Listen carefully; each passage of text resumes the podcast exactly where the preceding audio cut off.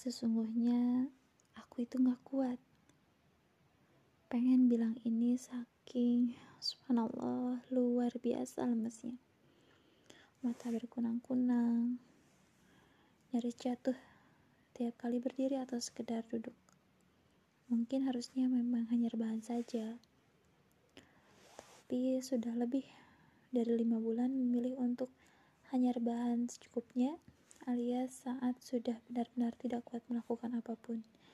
Jadi saat dirasa masih bisa duduk berdiri ataupun berjalan meski dengan limbung, ya lakukan saja. Maksudnya, ayolah untuk tetap do the best what I can to do. What I can, apa saja.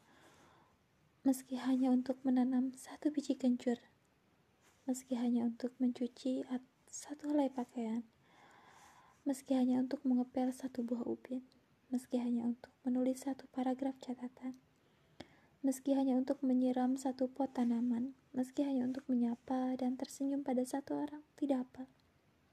Lakukan saja selagi bisa. What I can, apa yang bisa dilakukan, maka lakukan saja.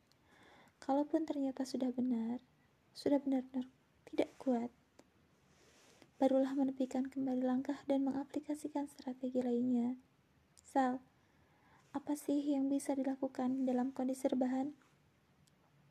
Menulis misalnya, meski satu ayat, sampaikanlah dalam tulisan, walau ayat, walaupun satu ayat, atau membuat konten untuk di-share di YouTube, atau media lainnya. Lakukan apa yang masih bisa dilakukan. Jangan khawatir dianggap so eksis, selama niatnya lillah. Tidak perlu khawatir dengan kata orang. Fokus saja kepada tujuan I'll do the best what I can to do. Sesungguhnya aku gak kuat. Kalimat ini urung diucapkan mengingat masih banyak hal yang ternyata belum dikerjakan. Apalagi usai, bahkan dimulai saja belum.